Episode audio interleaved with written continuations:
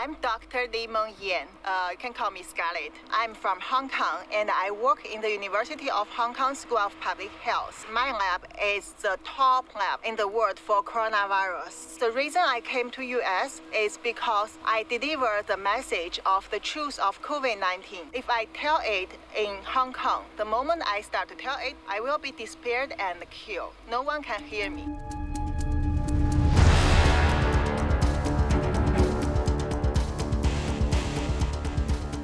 ما سمعتموه لتوكم هو اعتراف صريح وقوي جدا من الدكتورة الصينية التي كشفت حقيقة الصين للعالم لي مينغ يانغ طبيبة مختصة في علم الأوبئة والفيروسات والأمراض المعدية. سمعتم على لسانها قبل قليل الاعتراف التالي. أنا أدعى لي مينغ يانغ طبيبة أباشر عملي في إحدى الكليات المرموقة في هونغ كونغ والمعترف بها بشكل كبير لدى منظمة الصحة العالمية. كنت قد أبلغت السلطات الصينية بخطورة الوضع وبحقيقة كوفيد 19 أو الفيروس التاجي الذي كنت أشتغل على أبحاثه. فتم إسكاتي ولم يسمعني أحد وأنا أخاف أن أقتل. هذه الكلمات والأفكار تشاطرها الكثيرون ممن كشفوا حقيقة الصين وممن فضحوا أكاذيبها وتسترها على جرائم عدة للعالم. قصة لي مينغ يانغ هذه الطبيبة اليافعة الصينية التي اتخذت موقفا ضد الحزب الشيوعي الصيني وكشفت مكائده للشعب الصيني وللبشرية جمعاء. كلفتها شجاعتها هذه ووقوفها في وجه النظام الشيوعي الصيني والحزب الحاكم. خروجها خلسة من الصين وذلك بسبب ما يمكن أن يحدث لها من مكروه. يمكن أن يصل إلى حد الاغتيال. حلقتنا اليوم من بودكاست في عشرين دقيقة. ستكون ساخنة جدا ومليئة بالأحداث وبالقصص. قصص تشابه قصة لي مينغ يانغ هذه الطبيبة الهاربة من براثن الحزب الشيوعي الصيني الحاكم.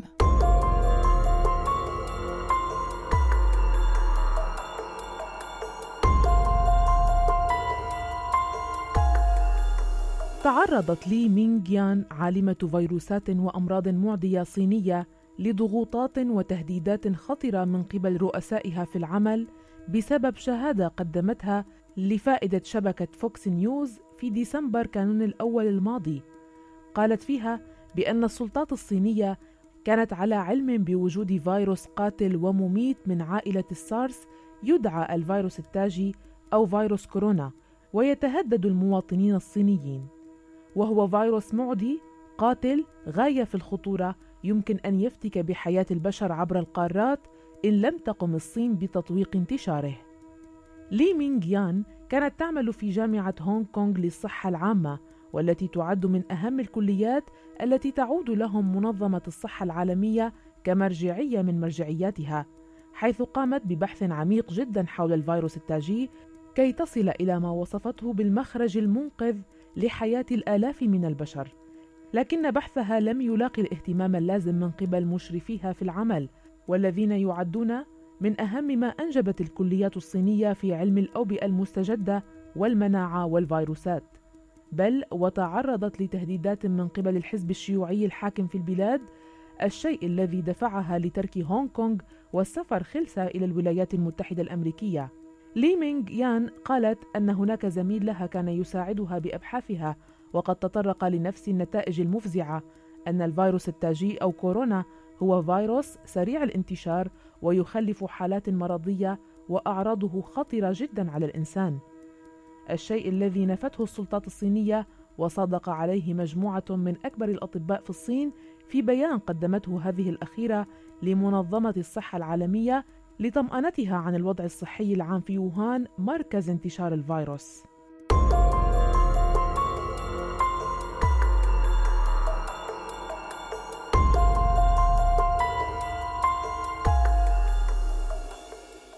في حلقة فارطة من حلقاتنا في بودكاست في عشرين دقيقة مستمعينا إن كنتم تتذكرون كنا قد تحدثنا عن التيك توك هذا التطبيق الذي تحاول من خلاله الصين أن تجمع أكبر قدر ممكن من المعطيات الشخصية لملايين المستخدمين حول العالم وخاصة المستخدمين من الولايات المتحدة الأمريكية. حرب سبرانية كبيرة جدا وضروس تشنها الصين على العالم وخاصة على القوى الاقتصادية والسياسية الأعلى رتبة في العالم. سنة 13 و2000 وعندما وصل تشي جين بينغ للسلطة في الصين قال حينها عبارة اهتزت لها طبقة السياسية في الصين وفي العالم. قال علينا أن نستعد لفترة طويلة وصعبة من المنافسة بين نظامين سياسيين وهنا يقصد الولايات المتحدة الأمريكية بالنظام المنافس. الصين منذ مدة مستمعين اختارت أن تنتهج الحرب الباردة خاصة مع الولايات المتحدة الأمريكية واختارت كذلك أن تستخدم كل الوسائل وكل الأسلحة المتاحة لديها وحتى تلك التي تكون غير متاحة. أسلحة تخلقها الصين أسلحة جديدة مختلفة وحادة جدا تستخدمها كي تصل إلى غايتها مهما كانت الوسيلة. من الأكاذيب إلى اختراق الحسابات إلى سرقة المعلومات وخلق المتاعب. وكأن الصين تبحث عن مجدها القديم ولكنها لا تكترث للطريقة التي يمكن أن تجعل منها قادرة على الوصول إلى هذا المجد الدفين. الصين لم ولن تتوانى عن شن أي نوع من الحروب على كل من يقف في طريقها وفي طريق هذا المجد الذي نتحدث عنه حتى وإن كانت الولايات المتحدة الأمريكية. دعونا مستمعينا نرجع بكم إلى الوراء قليلا وبالتحديد إلى يوم 15 من مايو لسنة 19 و2000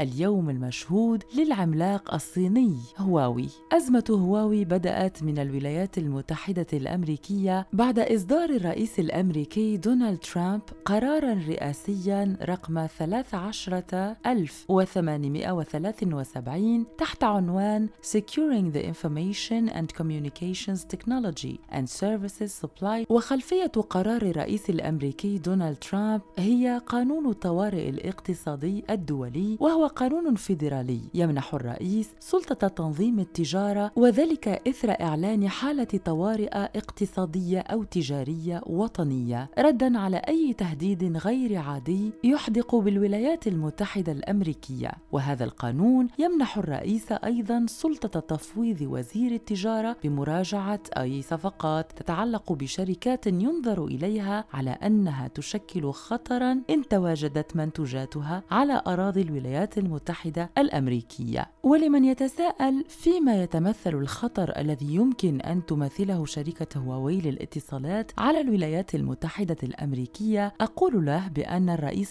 ترامب قال بأن هذا العملاق للاتصالات الصيني من الممكن جدا أن يكون ضالعا في قضية تجسس كبرى على مستخدمي هواوي في الولايات المتحدة الأمريكية. أما هواوي كشركة فقد نفت هذه الادعاءات بشكل متكرر وبإصرار وتعد شركة هواوي كواحدة من كبرى شركات تصنيع الهواتف المحمولة في العالم وأيضا من كبرى مصنعي تجهيزات الاتصالات وأبرز مطوري تجهيزات الجيل الخامس إلى جانب نوكيا الفنلندية وإريكسون السويدية. بناء على العديد من التقارير الأمريكية فقد ثبت وجود ثغرات عدة وبوابات خلفية موجودة في أجهزة هواوي وهي التي يمكن أن تمكن هذه الشركة من التجسس على مستخدمي الهواتف ومختلف الأجهزة الإلكترونية المشتراة من هذه هذه الشركة وكل هذه المعطيات طبعا يستفيد منها الحزب الشيوعي الحاكم في الصين.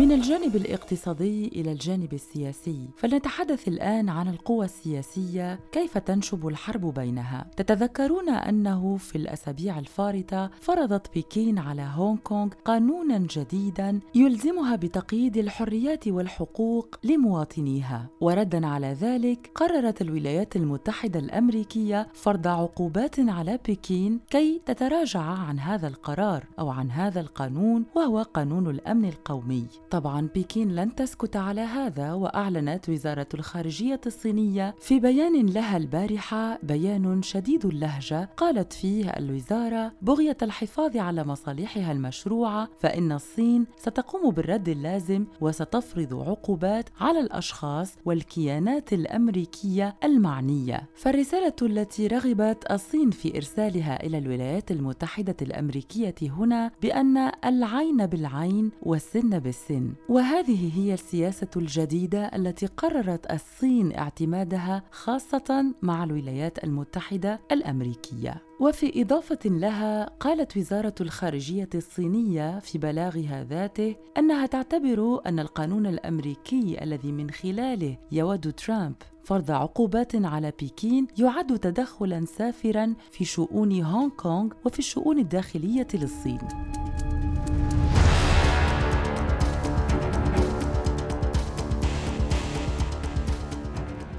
نقطة انطلاقنا في حلقة اليوم كانت قصة الطبيبة الصينية التي تعرضت لتهديدات وهرسلة من قبل رؤسائها في العمل ومشرفيها، من قبل أطباء يعملون مثلها، وحتى من قبل الحزب الشيوعي الحاكم في الصين. وبما أن الأمر وصل إلى الحزب الحاكم، فاعلموا بأنها كانت على يقين أنها لن تكون في مأمن من عملية اغتيال محتملة. ولنواصل مع قصص مماثلة سوف نروي لكم ملابسات وأحداث اختفاء صحفيين كانا قد صورا ونقلا حقيقة مستشفى في يوهان يضم مجموعة كبيرة جدا من مرضى كورونا أو الفيروس التاجي. أناس يختنقون يحتضرون وينتهي بهم الأمر إلى موتة شنيعة يدفنون في الأكياس جراءها من دون أن يلمسوا حتى. مما جعل هذان الصحفيان يكونان على يقين تام بأن هناك أمر مريب جدا بصدد الحدوث.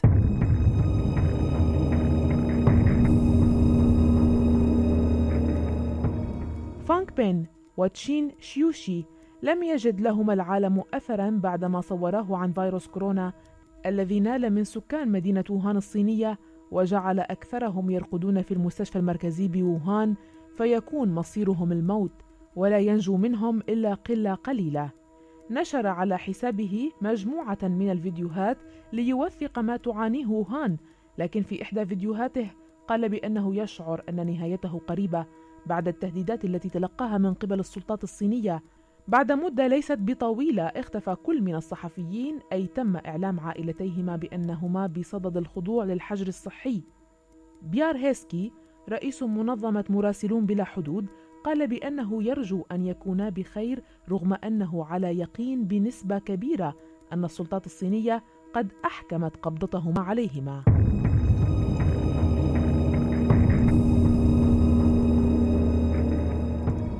الشكوك عادة ما تترجمها أشياء مكتوبة بالحبر على الورق، فقد أظهرت وثائق استخباراتية أمريكية أن الصين قد تسترت فعلاً على المعلومات الخاصة عن مدى انتشار ومدى خطورة فيروس كورونا.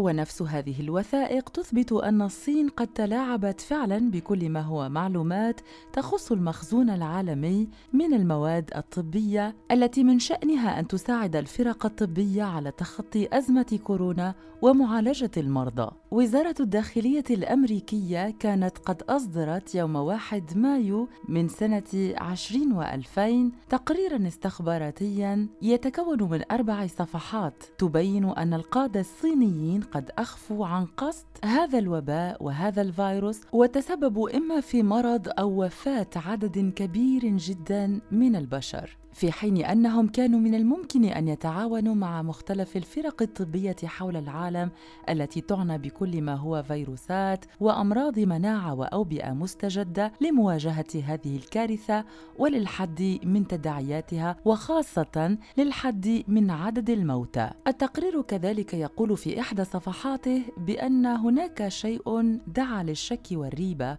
وهو بأن الصين وتزامن وتزامنا مع بداية الفيروس كانت قد رفعت من نسبة وارداتها من المعدات الطبية لمواجهة الفيروس وخفضت من نسبة صادراتها لنفس هذه المعدات الطبية حتى تستحوذ على كمية أكبر من المعدات كي تحافظ على نسق مواجهتها لهذا الفيروس الخطير، فبكين تحاول مرارا وتكرارا التستر على ذلك من خلال إنكارها لوجود قيود على التصدير وأن الحياة الاقتصادية والتجارية ما تزال طبيعية جدا في بكين وفي الصين عامة. أشار التقرير كذلك إلى أن الصين ممتنعة بشكل كامل عن إبلاغ منظمة الصحة العالمية طوال شهر يناير الفارط بأن الفيروس يمثل عدوى بشرية أي من شخص إلى آخر الشيء الذي يتنافى واتخاذها قرار الترفيع في وارداتها من أقنعة الوجه ومادة الكحول للاستطبابات المختلفة والملابس الخاصة لتفادي نقل العدوى عندما توجد فيروسات في البلاد. في شهر مايو كتب ترامب في إحدى تدويناته أبلغتني المخابرات للتو بأنني كنت على صواب وأنهم لم يذكروا موضوع كورونا حتى أواخر شهر يناير قبل أن أحظر دخول القادمين من الصين إلى الولايات المتحدة الأمريكية. كما أنهم تحدثوا عن الفيروس بطريقة وكأنه لا يشكل تهديدا. هذا التقرير مستمعين يأتي في الوقت الذي زادت فيه الانتقادات لسياسة الصين بشأن مسؤوليتها تفشي فيروس كورونا في العالم وتسترها على المعلومات الخاصة بالمرض ووصلت الشكوك إلى حد فكرة أن هذا الفيروس كان مخبريا وبيولوجيا وتم خلقه من قبل أحد الباحثين الصينيين. وذلك حسب الخبراء الأمريكيين للوصول إلى مآرب سياسية بالأساس ولكن بتوظيف هذا الفيروس اللعين.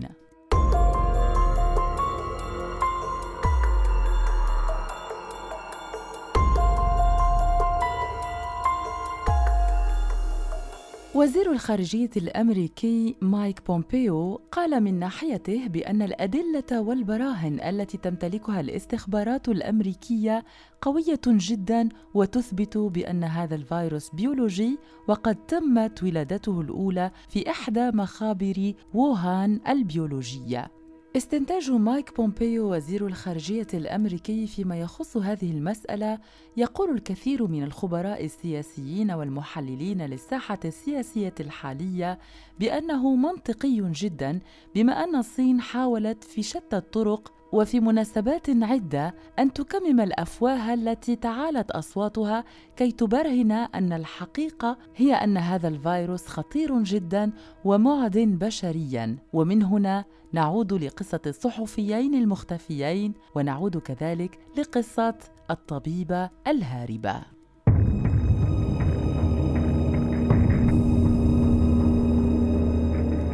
هناك طرف ثان مستمعين داخل قفص الاتهام. وجوده مهم جدا كحلقة فاعلة في هذه المسألة وقضية انتشار ومدى خطورة فيروس كورونا وهي منظمة الصحة العالمية، حيث عادت مجددا إلى الأضواء فرضية تقول بأن المنظمة تكتمت على انتشار فيروس كورونا بعد أن تسترت الصين لفترة طويلة على ظهوره، حيث غيرت منظمة الصحة العالمية أقوالها في المنابر الإعلامية المختلفة وكذلك على موقعها، حيث بدلت من جدولها الزمني عبر الموقع لتكشف أنها سمعت عن تفشي الفيروس المستجد من الإنترنت ووسائل الإعلام وليس من المسؤولين الصينيين كما أصرت في بداية انتشار جائحة كورونا. هذا التغيير في الموقع قامت به منظمة الصحة العالمية في التاسع والعشرين من يناير الفارط الشيء الذي يبين من دون شك بأن الصين قد تسترت وتكتمت لفترة طويلة عن تداعيات فيروس كورونا على متساكني ووهان وكذلك ما يمكن أن يخلفه الفيروس في صفوف متساكني هذه الكرة الأرضية. دعونا الآن نستخلص مستمعينا. هل حسب رأيكم الصين تقوم بكل هذا وتستعمل وتستخدم كل وسائل الحرب ضد أمريكا والعالم حتى تكتسب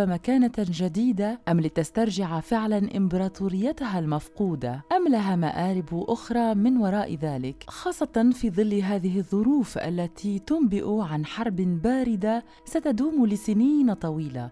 بين الصين والولايات المتحدة الأمريكية على شتى الأصعدة الاقتصادي، السياسي، الاجتماعي والتجاري وغيرها. وهل هناك أسلحة أخرى للصين ستستخدمها في القريب العاجل ولم نسمع عنها بعد؟ ما رأيكم بهذا الموضوع؟ وإلى أين يتجه مصير هذه الكرة الأرضية وهذا العالم في ظل حرب بين قمتين من أكبر القمم على الصعيد السياسي خاصة؟ نشكر لكم متابعتكم مستمعين لحلقة اليوم من بودكاست في عشرين دقيقة على راديو الآن. إلى اللقاء.